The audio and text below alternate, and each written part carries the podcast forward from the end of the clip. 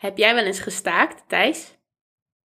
Ehm, nee, ik heb geloof ik nooit eh, eh, aan een staking meegedaan. Ik heb als graduate student aan Georgetown wel aan een, ehm, een teach-in en een, een sit-in meegedaan. Ehm, maar dat was niet, dat kwam niet zeg maar ja, op een, een moment dat ik eigenlijk had moeten werken. Ik, was, ik denk dat ik over het algemeen meer een quiet quitter ben eigenlijk. Ja. een, eh, een brave borst. Nou, brave borst. ik heb weer wel toch ook heel, eh, ja, heel, heel rebels. Bijvoorbeeld als 15-jarige toen bij de Koningin Juliana Toren werkte. Eh, dan moest ik soms zo propjes oprapen met zo'n stok. Ehm, Ja. En dan was al, was al een soort van dingetje van als je dan propjes moest oprapen, dan wist, wist je wel van elkaar van, oh ja, dan gingen we even, er was een soort van gebied waar eigenlijk nooit iemand kwam. En dat heette het bos. Eh, en dan ging gewoon even in het bos zo, een half uurtje of zo, propjes oprapen. Maar ging natuurlijk geen propjes oprapen, dan ging gewoon even op een bankje zitten.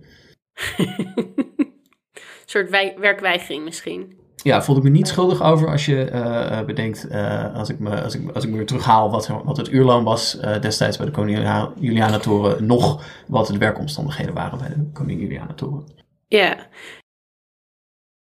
Ik weet een keer, eh, ik werkte bij Laplace ooit. En in de proefperiode, echt de eerste paar weken, was er een eh, zaterdag waarop ik de hele zaterdag moest werken. En ik had, eh, zou duidelijk achter de kassa gaan zitten, was het hele idee van de sollicitatie. Maar omdat ik nieuw was, moest ik in de spoelkeuken. En ik moest niet alleen maar in de spoelkeuken werken. Nee, dat was voor andere mensen. Ik moest op mijn knieën de, de schimmel gaan krabben. Gewoon acht uur lang. In de Oh ja, leuk. spoelkeuken van de Laplace. Ja, dus ik was eh, een jaar of 16, eh, toen ook al reuma, gewoon mee geboren. En eh, ik kan natuurlijk dus helemaal niet krabben, nog op mijn knieën zitten. Maar ja, dat moest en er was niet echt een gesprek mogelijk, want mijn baas was heel onaardig. En toen kwam mijn vader me ophalen, want het was net te ver weg voor de fiets. En toen moest ik zo hard huilen. En toen zei mijn vader, je kan ook gewoon ontslag nemen. Je hoeft, je hoeft niet terug. Als je niet terug wil, hoef je niet terug. Er zijn genoeg andere baantjes. En toen was ik zo opgelucht, want ik was helemaal vergeten dat ik gewoon iets kon doen en iets te kiezen had. En het niet hoefde te pikken. maar dat vergeet je gewoon helemaal in zo'n situatie waar je je verschrikkelijk voelt en denkt van ja, maar dit is het nou eenmaal. Ja, je denkt van dit is nu de rest van mijn leven. Ik moet, ik moet altijd schimmel. ja. Overigens, ehm, eh, ja, ik, ik, ik heb wel echt te doen ook met, eh, met, met, ja, met tiener Annelot die daar dan zo op, op, eh, op haar knieën zo zat met die, met die schimmel. Eh, Uiteraard is er natuurlijk schimmel in de spoelkeuken van de Laplace. Dat is de plek waar ze dingen schoonmaken, dus daar is schimmel. Ehm, ja, ik had wel een, eh, een, een, een vriend eh, die ik kende op de middelbare school. Die werkte ook bij de Laplace en die zei altijd tegen mij: Je moet nooit eten bij de Laplace. Dus dat, ja. Dat onderschrijf ik weer even. ja, ja, ik ben wel blij dat ook jouw ervaringen bij een heel andere Laplace zo eigenlijk hetzelfde waren. ja. Ja. Mooi moment voor de, voor de tune. Ja. Nu klappen we dus de tune.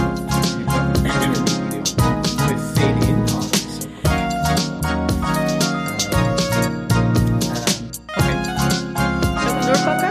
ja, door.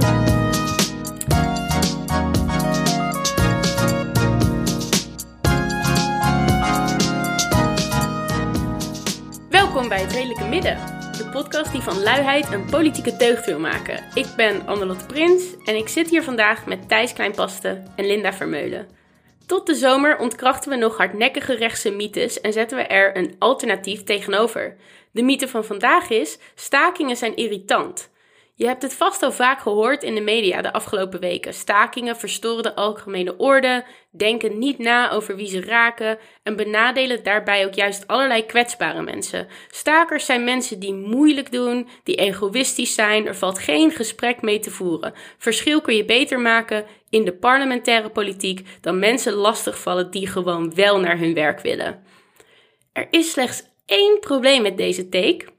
Namelijk dat al die dingen die ik net zei niet waar zijn. Het is een opsomming van conservatieve argumenten in dienst van de status quo, waar wij als linkse rakkers nou juist helemaal niets te zoeken hebben. Staken is vaak juist de beste, meest effectieve manier om voor je rechten op te komen. In deze aflevering zullen we het daarom hebben over waarom staken een fantastisch recht is dat we met z'n allen moeten verdedigen. En we beginnen er zo meteen mee, maar nog heel even dit. Dankzij jullie hulp, lieve luisteraar en lieve kameraden, kunnen we deze podcast maken. Voor 3 euro per maand kun je ons steunen op vriendvandeshow.nl slash hrm. Je kunt dat maandelijks doen, maar je kunt ook een eenmalige bijdrage of donatie doen. Uh, zo willen we Wouter deze week nog even extra bedanken voor zijn gulle gift. Um, volg ons daarnaast natuurlijk op Instagram en op Twitter uh, op redelijke midden. Uh, vertel anderen, vrienden, kringverjaardagen, familie over onze podcast. Maak van je kennis een kameraad en word ook vriend van de show. Hoi Linda, wat leuk dat je er bent. Ja, goedenavond. Hallo. Hoe gaat het? Ja, het gaat hartstikke goed. Ik kom net uit een, uh, een actievergadering. En uh, zit nu bij jullie in de show. Dus uh, ja, het is een, een mooi begin van de week. Wat is een ja, actievergadering ja. precies? Um, ja, nou, ik, ik ben vakbondsvrouw in de winkelstraat. En als er ergens in de winkelstraat bij een winkelketen een groep medewerkers is die zegt: Wij willen een hoger loon of wij willen iets veranderen aan ons werk, iets verbeteren. En als zij dan ook bereid zijn om daar actie voor te voeren, um, ja, dan, uh, dan organiseer ik een, meestal een online meeting. Uh, of een, een bijeenkomst in een café. Ja, dan gaan we plannen maken. En um, ik had net een bijeenkomst met allemaal medewerkers van de Bijkorf. Daar zijn wij al heel lang aan het staken sinds september. Nou, dat kan je niet ontgaan zijn. Mm -hmm. De Bijenkorf-medewerkers zijn van alle stakers momenteel in het land de groep mensen die het langst aaneengesloten aan het staken is. Nou, wie wow. had dat gedacht? En daarnet bleek ook weer in die ja, vergadering, uh, online meeting is een beter woord, ja, dat er nog heel veel plannen zijn en heel veel energie is. En ook heel veel vastberadenheid. Wij willen winnen, wij willen dat de lonen omhoog gaan. Wat goed, dus dat gaat eigenlijk hartstikke goed daar met die staking. Ja, het is, het is uh, heel erg dubbel. Um, ja, je zei net al in je intro dat, uh, uh, van de mythe dat stakingen in, irritant zijn. Ja, wat, wat pas echt irritant is, is dat het geld zo oneerlijk verdeeld wordt in Nederland. En bij de bijkorf, ja, dat is natuurlijk een onwijs duidelijk voorbeeld. De lonen zijn ontzettend laag, minimumloon of net ietsje daarboven. Terwijl de eigenaren, nou, dat, die zitten ver weg in Oostenrijk en in Thailand, die zijn miljardair die worden slapend rijk en de mensen in de winkels werkend arm. En, en dat willen wij veranderen. En ja, ik, ik vind het echt, echt heel bijzonder dat al die medewerkers uh, in de winkels uh, daar nu ook voor opkomen. Dat ze het lef hebben en de moed hebben om naar buiten te stappen. Uh, dus ja, het is echt, echt, echt een bijzondere tijd. Daarmee hebben we al heel veel overwonnen. Maar die lonen moeten gewoon echt omhoog. Mensen moeten gewoon rond kunnen komen. Het is schandalig dat dat niet kan als je gewoon werkt. Ja. Je zei net van, oh, het is eigenlijk wel heel bijzonder dat de Bijenkorf-medewerkers nu al het langste staken van in, in heel Nederland. Um, is, het, is het moeilijk om de winkelstraat en winkelketens uh, uh, tot, tot staking te bewegen? Is het moeilijk om die groep werkers te organiseren? Ja, dat is een goede vraag. Als het gaat over stakingen, hè, als je naar het journaal kijkt en je ziet stakingen, dan, dan zijn dat meestal um, uh, sectoren waar veel mannen werken. Bijvoorbeeld het spoor, het vervoer, de havens, metaal. Je hebt natuurlijk ook uh, geregeld stakingen in ziekenhuizen en in het onderwijs. Hè. Daar werken wel veel vrouwen. Dus, uh, maar over het algemeen zijn het meer mannen die staken. En op de plekken waar de lonen het laag zijn in Nederland, dat is onder andere in de winkelstraat, waar dus mijn achterban werkt, maar ook bijvoorbeeld in de horeca, komt het niet zo heel veel voor dat er stakingen zijn. Of langdurige stakingen.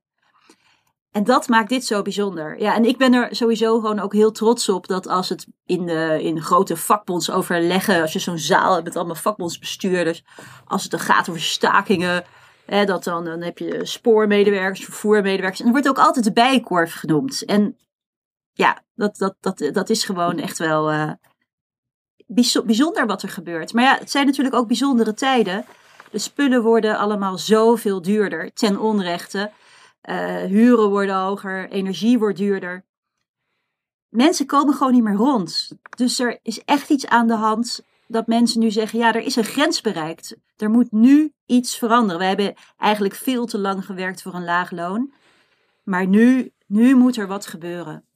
Nu pikken we het niet meer. Je, je zei net, toen, ik dacht aan de bij, als, als, als ik hoorde winkelstraat en, en winkelketens, Ehm, en ik je hoorde spreken over, nou, het is ook niet altijd, niet altijd makkelijk om die groep te organiseren. Toen dacht ik, oh, dat heeft misschien te maken met het is een jonge groep, of er is een hoog verloop van mensen die ook niet heel erg lang op een bepaalde plek werken. Dus ja, dat, dat zorgt dan weer dat er misschien niet een soort van leiderfiguur is op zo'n werkvloer die dat dan zo'n beetje aan kan zwengelen. Maar jij had het echt over van mannenberoepen staken meer dan, dan ik zeg dus aanhalingstekens mannenberoepen en vrouwenberoepen.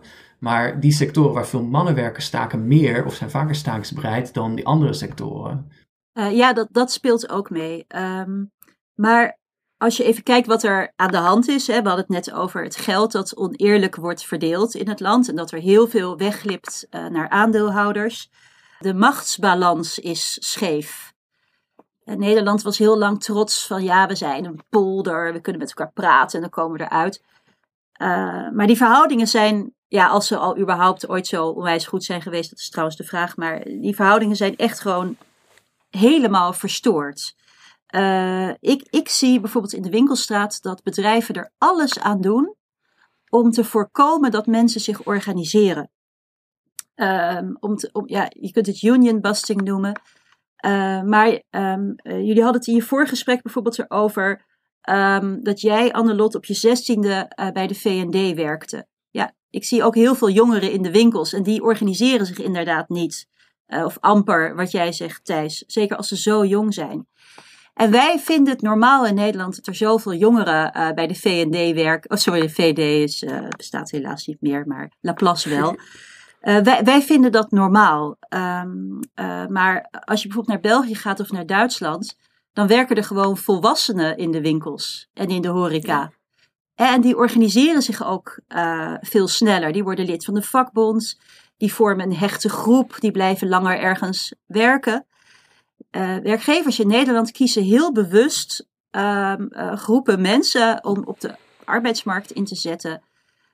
die ze laag kunnen betalen. En daar horen inderdaad jongeren bij. Er wordt van alles in Nederland gedaan om te zorgen dat bedrijven jongeren heel goedkoop kunnen inzetten. Um, uh, en en uh, er werken ook veel arbeidsmigranten in de winkelstraat en in de distributiecentra.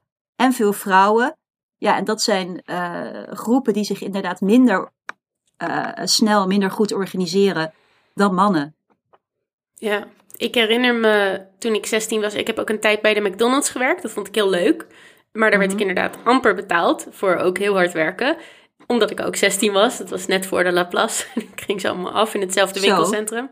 Um, maar ik weet ook nog dat daar heel duidelijk het verhaal heerste van... als je 21 bent, word je ontslagen. Want dan ben je te duur.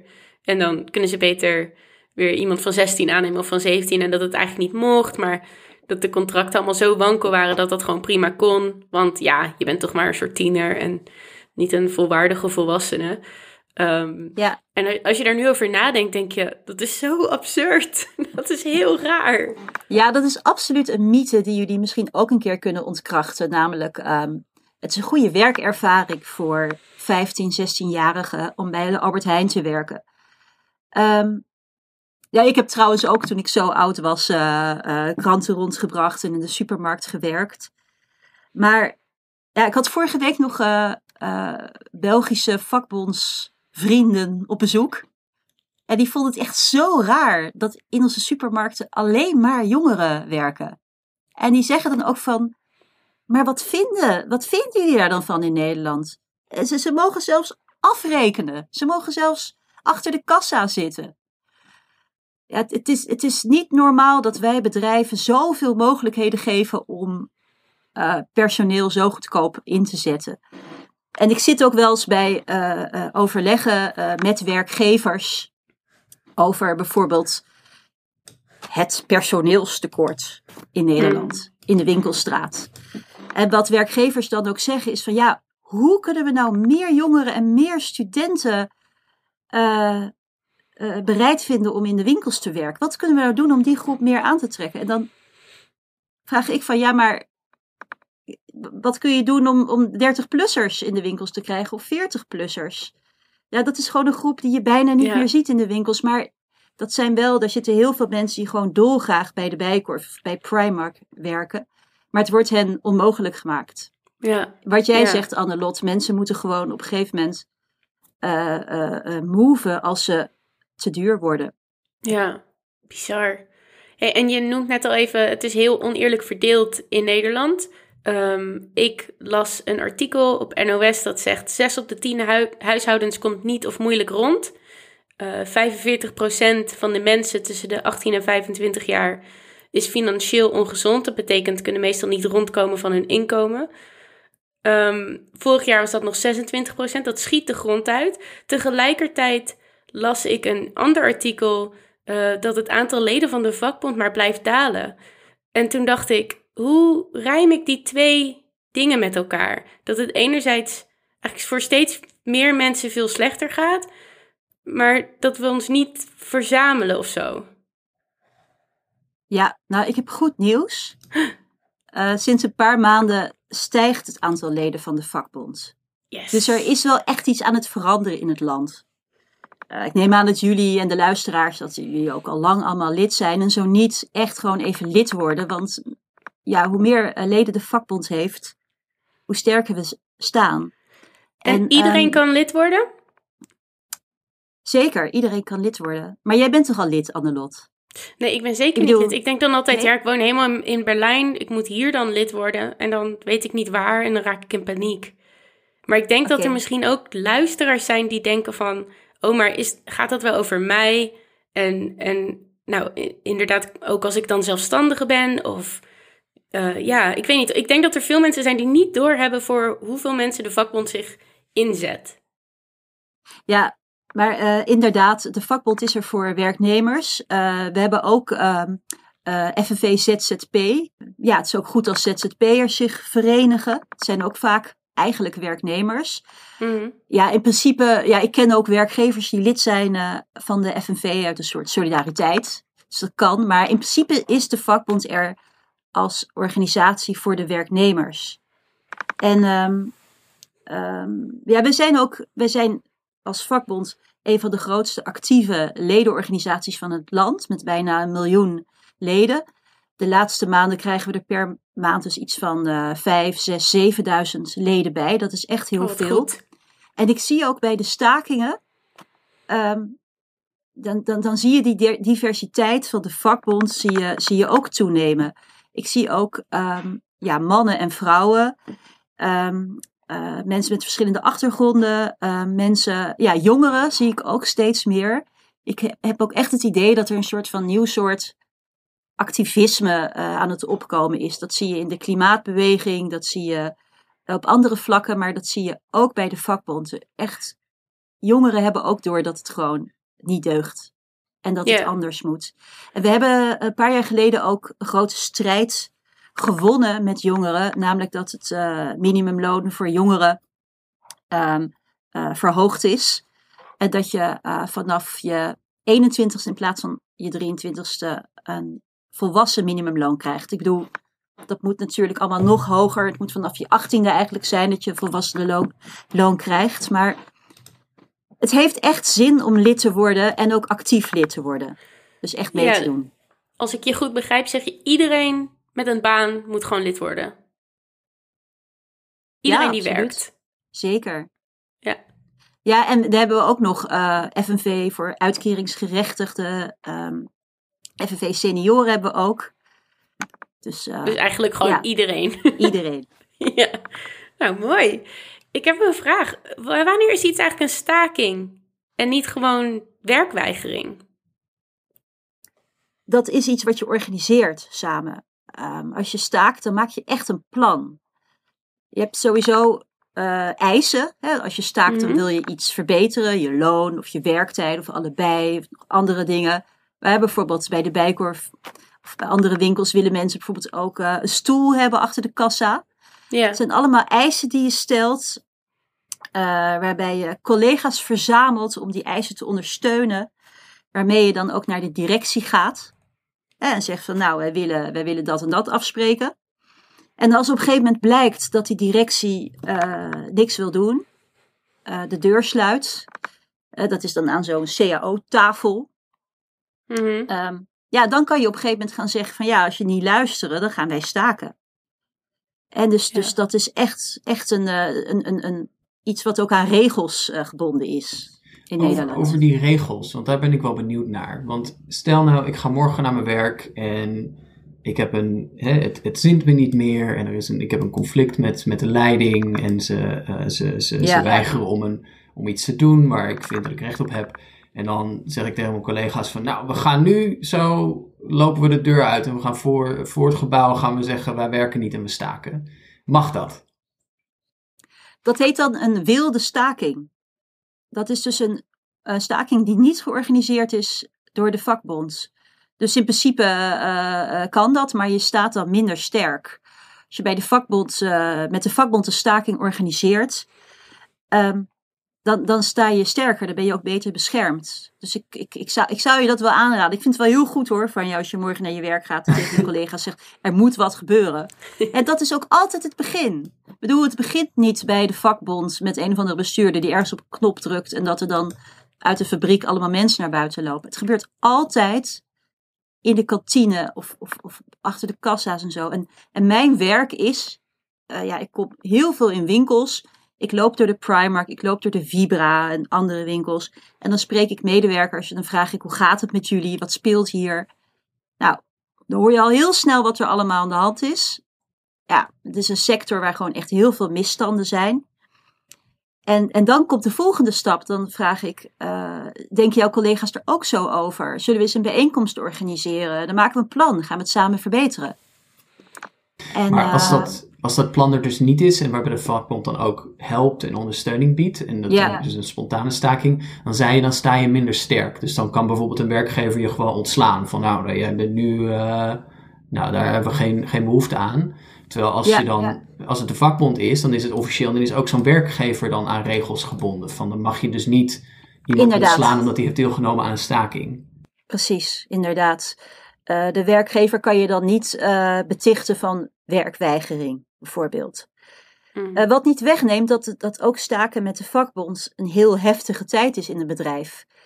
Wij, wij, wij gaan ook niet eh, een staking organiseren als er, van, eh, als, er, als er maar twee mensen willen meedoen. Mm. Wij, wij gaan alleen maar meedoen als, als er echt veel mensen meedoen. Dus dat, als, dat, dat medewerkers ook samen sterk staan. Omdat de kans heel groot is dat, dat, dat als je met een te klein groepje staakt, dat die mensen dan te snel, te veel worden geïntimideerd door de werkgever. Eh, dus je hebt echt een grote, krachtige groep nodig. Maar, maar Ik die, denk dat- er zijn heel veel mensen die, die durven en die willen. Dus Mm. eh, ja.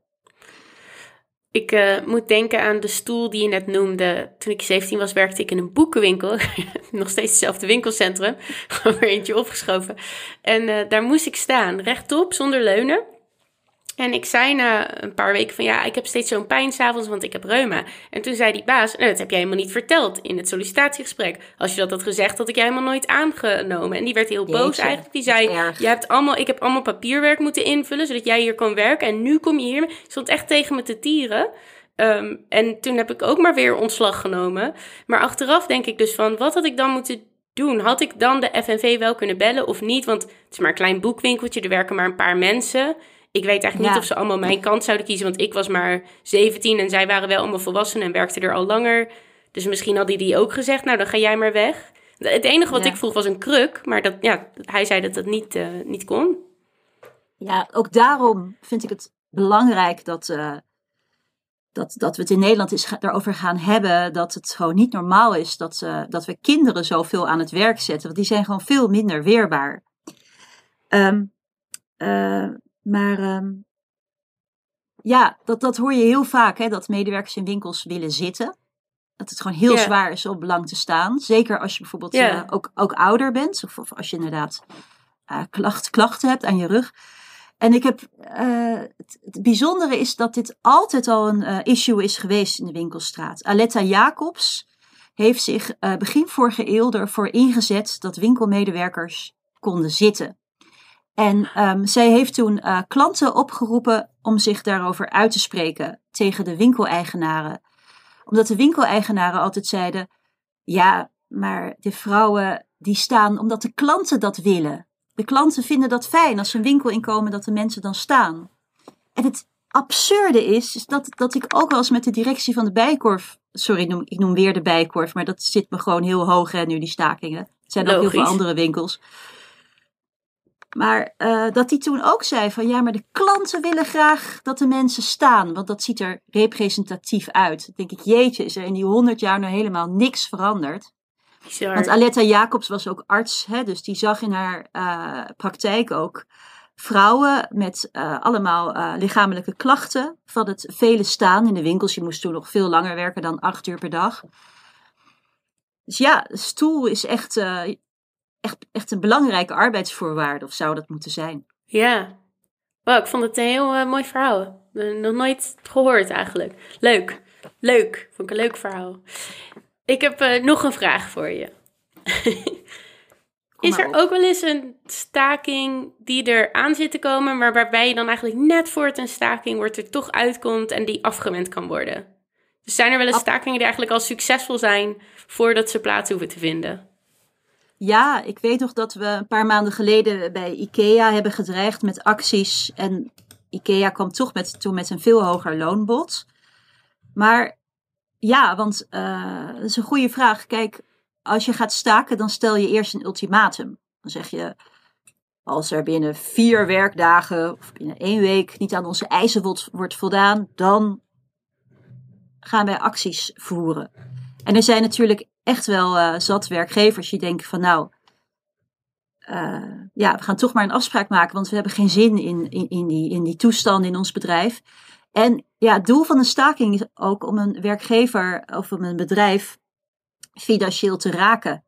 Als een Mhm. bedrijf merkt van, hé, hey, eh, de, de, de fabriek staat stil. Ja, we maken geen, geen omzet. Dat kost me geld. Dan kan ik misschien maar beter hogere lonen betalen. Dat is eh, eigenlijk eh, goedkoper dan eh, het, het, het omzetverlies dat we maken. Dus het is de bedoeling van een staking om een bedrijf te raken. En dat gaat in Nederland over het algemeen vrij goed. Ik las dat meer dan de helft van de stakingen goede resultaten heeft. En dat het in de jaren 80 zelfs rond de 80% lag. Dus het, het lijkt ook heel effectief. Ja, staken is absoluut eh, effectief.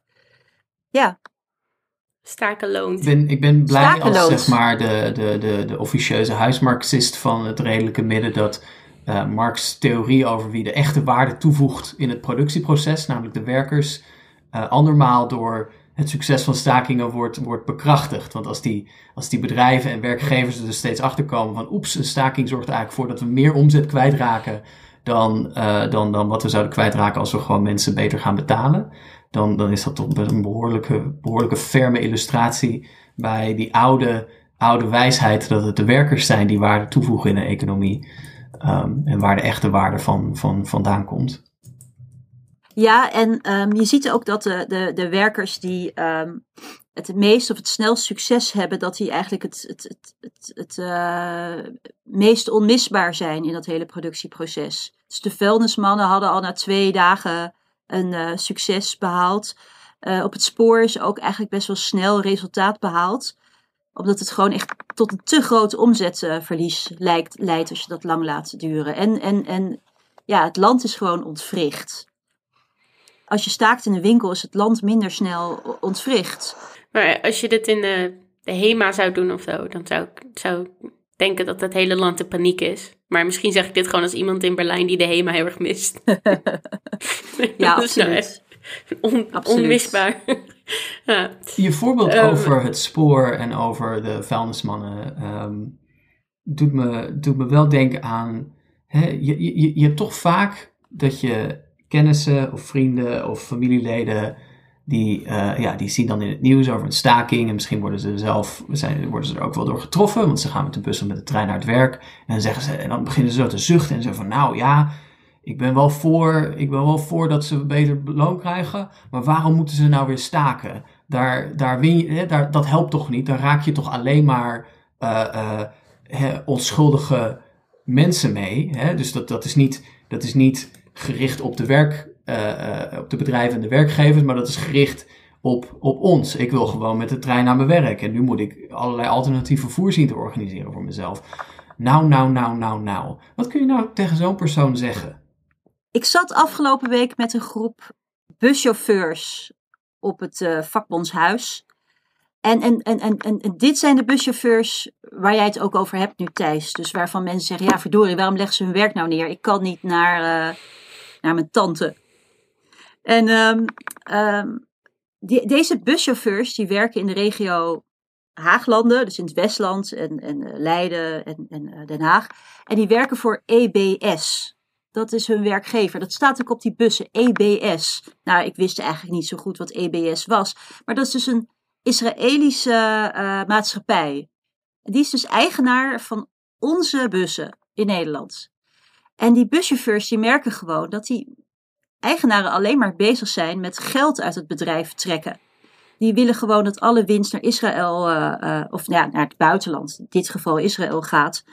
Um, uh, ja, dat is funest voor het openbaar vervoer. er worden helemaal geen keuzes meer gemaakt die goed zijn, of die vooral goed zijn voor de reizigers en voor de, voor de mensen, maar vooral voor de aandeelhouders.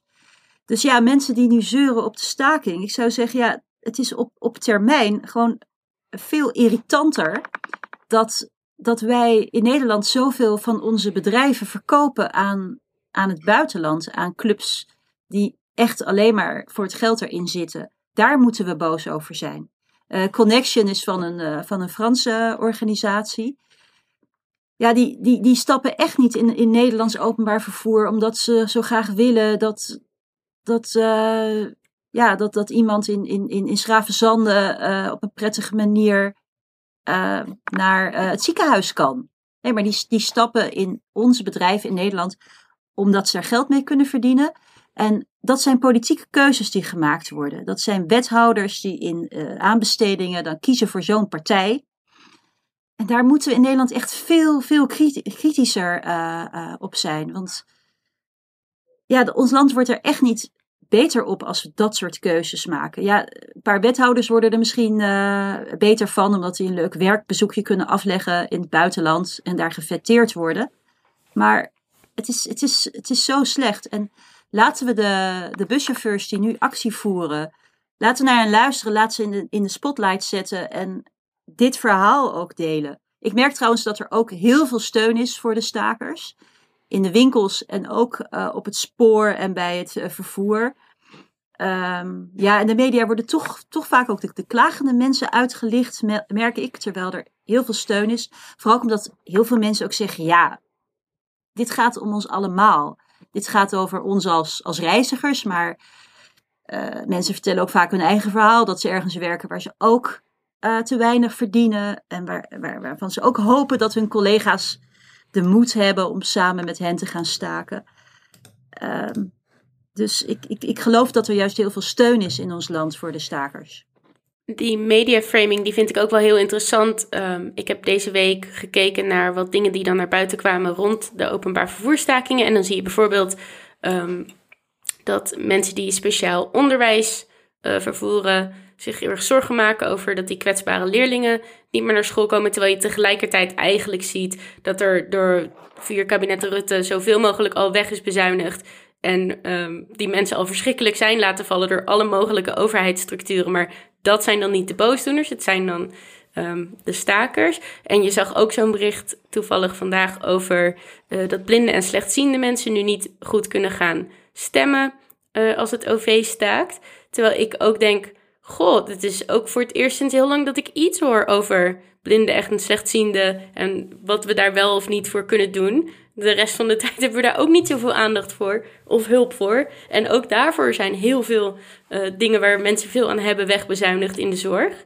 En het is dan wel frustrerend hoe zo'n staking dan kan worden opgepakt als een soort stok om mee te slaan over problematiek die veel groter is dan waar je op slaat. En die helemaal niet daar thuis hoort ook misschien. Ik denk die buschauffeurs, die vinden het heel erg dat zij door een staking mensen duperen. Um, die buschauffeurs die willen gewoon hun werk goed doen en, en mensen uh, uh, vervoeren naar, naar een plek van, uh, waar ze naartoe willen. Zeker ook, ook deze groepen die je nu noemt, dat, dat, dat vinden buschauffeurs heel vervelend zij willen ook gewoon het liefst normale afspraken maken met hun, uh, met hun werk, ik zeg steeds werkgever, maar ik vind dat eigenlijk ook een beetje een raar woord. Maar met hun, met hun bazen. Ehm, ja, dus ik denk dat iedereen in ons land er het best bij geholpen is als er gewoon snel een goed akkoord wordt gesloten. Ja, dan kunnen we allemaal uh, lekker de bus nemen, maar dan heeft de buschauffeur ook een prettig leven. Ja.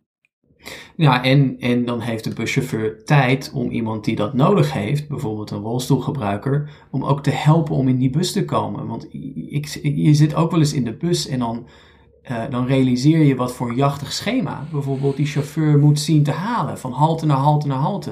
En er hoeft maar één keer een stoplicht uh, uh, verderop verkeerd op rood te staan. En dan is het alweer vertraging. En dan kan die dus bij zo'n halte niet de, de tijd nemen om iemand de hulp te bieden, die zo'n buschauffeur natuurlijk ook graag wil, wil, wil bieden. Dus het is ook wel, ik merk, merk dat ik, dat ik uh, toch te, wil er tegenaan loop van, oh ja, zo'n punt dat jij ook maakt, uh, Annelot, van hè, de, ineens wordt er een groep die hulp nodig heeft of uh, die ergens op leunt, van stal gehaald een, als een als een soort stok om mee te slaan. En dan worden mensen tegen elkaar uitgespeeld. Maar die, die, die, dat grote bedrijf, hè, dat bedrijf in Israël, is nog steeds de lachende derde. Want wij slaan elkaar hier een beetje de hersenen in. Absoluut, absoluut. En de wethouders die deze keuzes maken.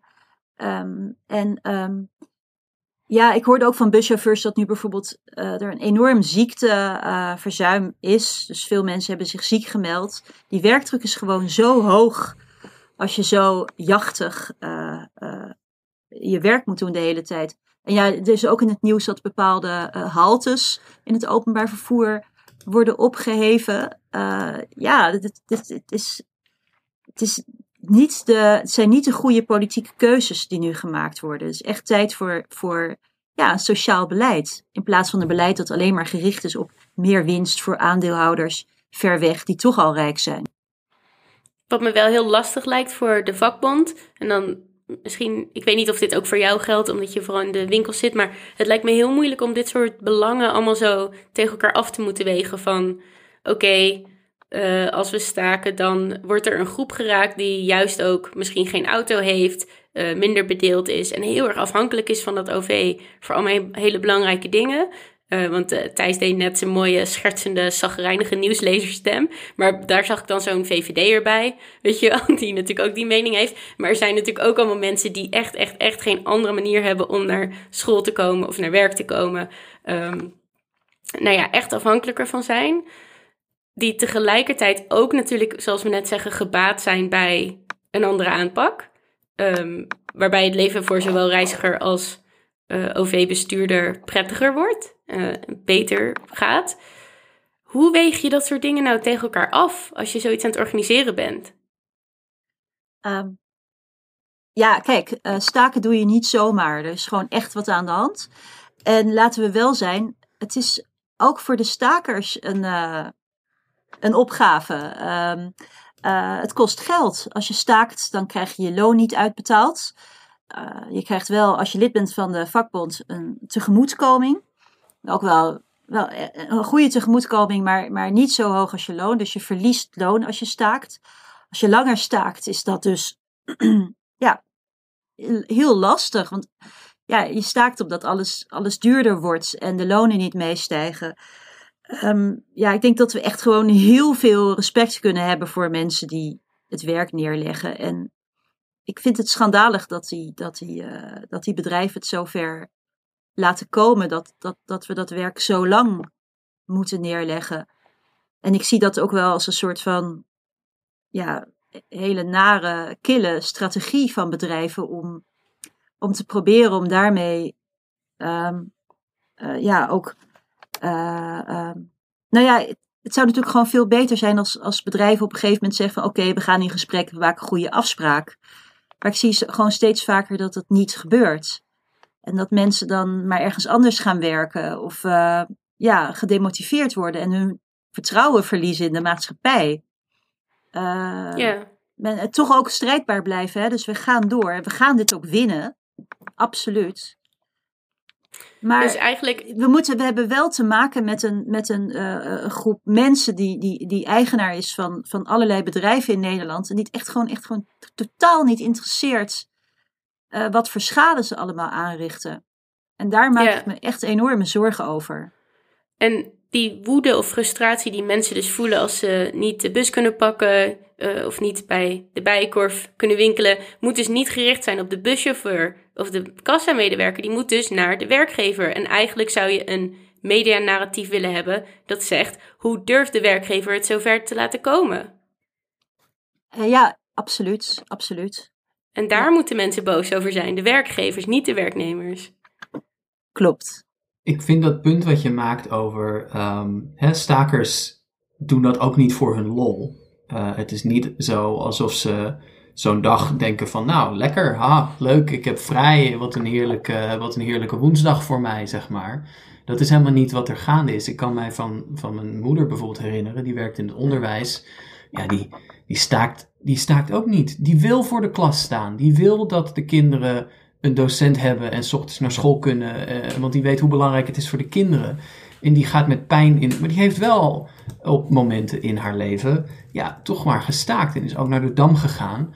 Uh, en dat doet ze dan met heel veel pijn in haar hart. Want ze zegt, ja, die kinderen die kunnen er ook niks aan doen. Maar het, het moet soms gewoon. En dan, ik vind dat wel een heel elementair punt. Want je hoort wel eens mensen praten over stakingen alsof het allemaal een soort van, ja, uh, uh, feestje is of zo voor mensen die gaan, gaan staken. Van, oh ja, dat is hartstikke heerlijk. Lekker, een extra vrije dag. Nou, wat, hey, ik kan mij dat niet veroorloven als zelfstandig ondernemer of zoiets. En dat is toch um, is belangrijk om, om, om dat punt te maken. En ik heb daarbij een heel specifieke vraag, Linda. Um, stakers krijgen een kleine vergoeding, of een kleine een, een vergoeding van de vakbond, maar die is niet hetzelfde als het loon natuurlijk. Als mensen nou willen helpen, kunnen ze dan ook eenmalige bijdragen doen aan zo'n stakingsfonds? Of is dat niet mogelijk? Uh, daar heb ik nog niet over nagedacht. Ja, is best wel, een, uh, best wel een idee. Maar ik zou in eerste instantie gewoon helpen door lid te worden van de vakbond. Want daarmee uh, ben je solidair. En je uit te spreken of naar een actie toe te komen. En uh, dat is echt fantastisch. Um, dat er mensen naar onze acties komen die zich uitspreken, die hun steun uitspreken. Er komen mensen ook naar de winkels om te vertellen van hé, hey, wij staan achter jullie. Ga zo door.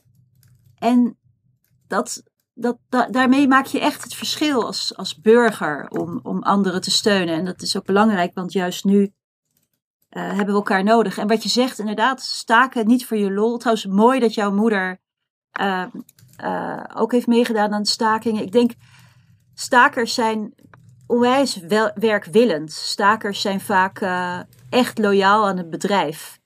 Zij, zij, zij, zij staken natuurlijk voor hun eigen portemonnee, maar ook voor de collega's. En omdat ze begaan zijn met de toekomst van het bedrijf. Ze willen graag dat er ook in de toekomst gewoon uh, goede arbeidsvoorwaarden zijn, zodat ze collega's krijgen die ook echt voor het bedrijf willen werken.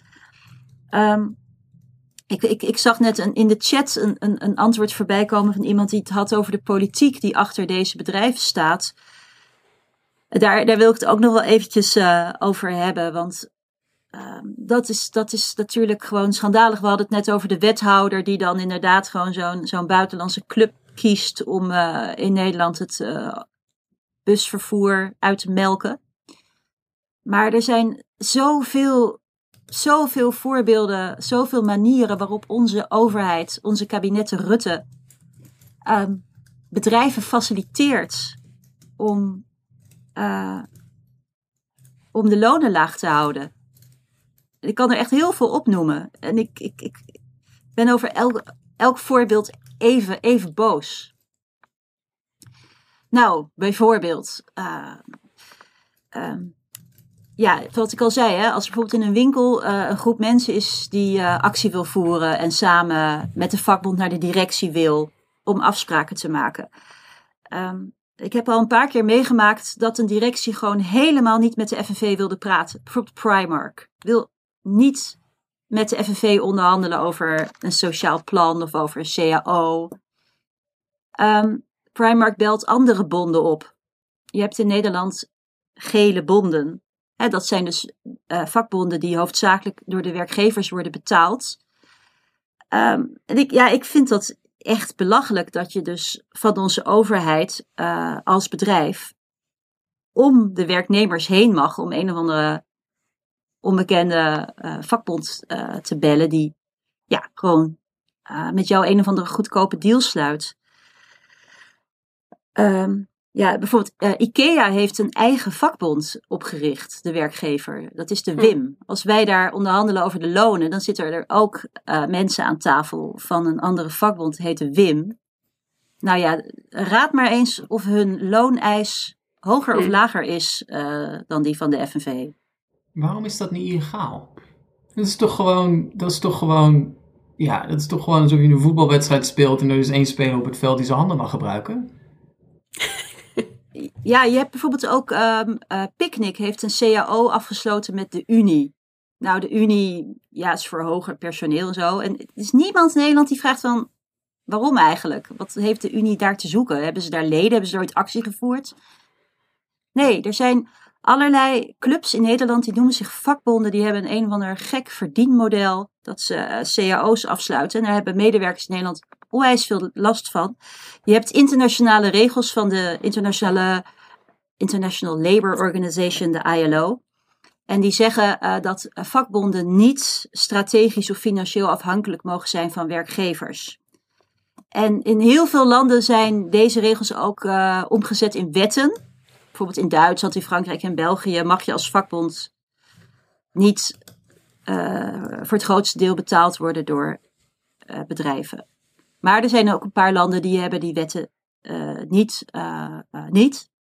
En dat is bijvoorbeeld Nederland, maar ook China, Saoedi-Arabië, Iran.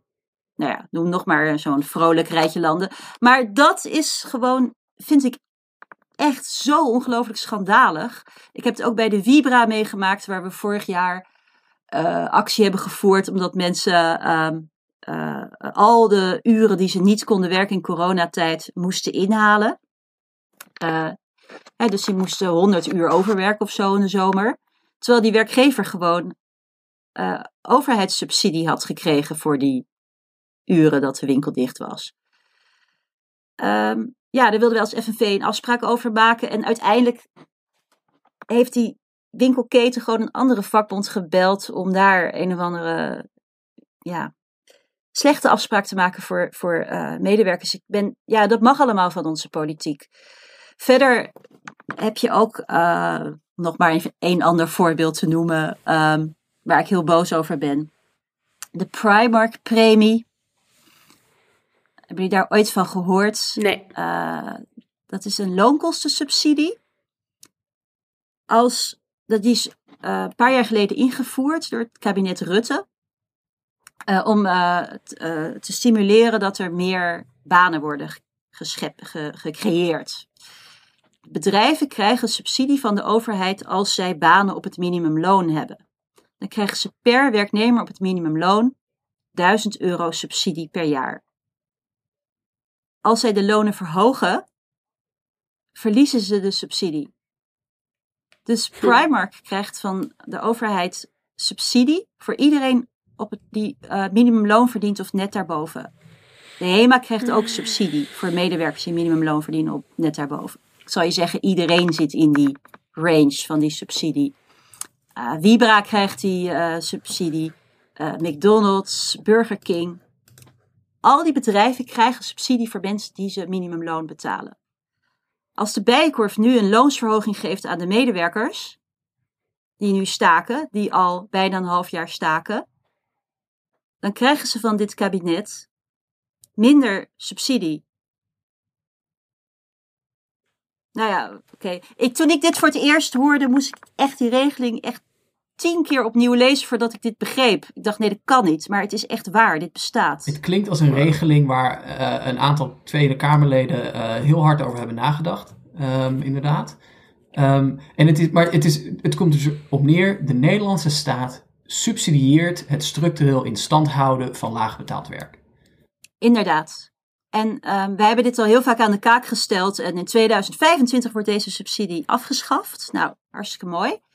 Maar je ziet dat er een enorme werkgeverslobby is om deze subsidie te behouden. En die heeft ertoe geleid dat bedrijven over 2022 60% meer van deze subsidie krijgt. Dus het is. Um, ja, en, en zo kan ik nog wel een paar voorbeelden noemen. Uh, waar mensen met lage lonen onwijs veel last van hebben. Als je een laag loon hebt en je wil actie voeren, dan moet je echt gewoon tien keer zoveel actie voeren om al deze perverse hobbels uh, uh, over, over te komen. Het is wel grappig dat ik daar dan nooit weer een artikel over lees in de pers. Ja, daar, daar is zeker wel over, over geschreven, maar uh, ja, ik, ik denk dat we goed. wel met, met meer boosheid over dit soort onderwerpen, met, met meer boosheid kunnen we, kunnen we uh, dit beleid veranderen. Maar ja, het helpt natuurlijk niet als iedereen steeds maar weer opnieuw een rechtskabinet kiest. het schiet niet op. Nee, dat is echt, echt, echt heel erg. Ja, dweilen met de kraan open. Het klinkt heel frustrerend. Um, ik, ik was wel blij, Linda, dat je nog ook even zei van... Um, stakers zijn heel erg begaan met het bedrijf. Die hebben het beste voor met het bedrijf. Um, ik denk dat er toch vaak ook, als er mensen dan zo ja, niet zoveel weten van staking... of misschien ook van de, van de vakbeweging en de, werk, en, en, en de vakbonden... dat ze dan denken... Oh ja, maar natuurlijk willen die, die werkers, ja, die willen wel meer geld in hun, in hun zak. Maar ja, dat kan nooit goed zijn voor het bedrijf, want die hebben ook kosten. En dat is ook niet goed voor de consument, want natuurlijk wordt het allemaal weer doorberekend en zo. Terwijl dat klopt dus helemaal niet. Want het blijkt, uh, dit, dit, dit heb ik uit eigen ervaring. We hebben een vakbond opgericht voor de, voor de uh, promovendi aan de universiteit waar ik werk. Uh, het blijkt uit allerlei data, als je de promovendi beter gaat betalen, dan wordt het onderwijs beter. je trekt ineens veel meer uh, uh, veel betere promovendi aan. Uh, die, die graag voor jouw universiteit willen, willen werken. Want ja, jij betaalt een fatsoenlijk loon. Dus er zijn allerlei manieren waarop het be beter betalen van je personeel leidt tot ook een beter ja, product voor de mensen die dan in je bedrijf komen, in je winkel of aan de universiteit of aan je andere organisatie. De enige voor wie het niet goed is, is inderdaad de aandeelhouder die de winstmarge iets ziet slinken. Um, maar dat is ook zo'n valse tegenstelling die ik altijd hoor. Van ja, het is niet goed voor de consument als er gestaakt wordt, dan gaan de lonen omhoog. Nee, is niet goed voor de aandeelhouder, maar dat is iets anders. Ja, en, en laten we ook gewoon even benoemen waar het over gaat. Veel mensen in Nederland verdienen minimumloon. Dat is dus uh, 11,70 euro bruto per uur. Of net iets daarboven. Um, uh, meer dan 2 miljoen mensen, geloof 2,5 miljoen mensen verdienen op of net boven het minimumloon in Nederland. Wij vinden dat het minimumloon 14 euro per uur moet zijn. Hè, als, als, als, als, als, als laagste, als ondergrens. Maar je ziet dat het gewoon het heel laag betalen van mensen is een, is een norm geworden van, uh, van uh, bedrijven. En dat is, dat is inderdaad uh, in het belang van de aandeelhouders, maar het is ook heel slecht voor bijvoorbeeld ondernemers. Want doordat de lonen zo laag zijn, geven mensen ook minder uit in de winkelstraat. Hey, wij willen ook heel graag een werkweek van maximaal 30 uur. Kun jij dat voor ons regelen?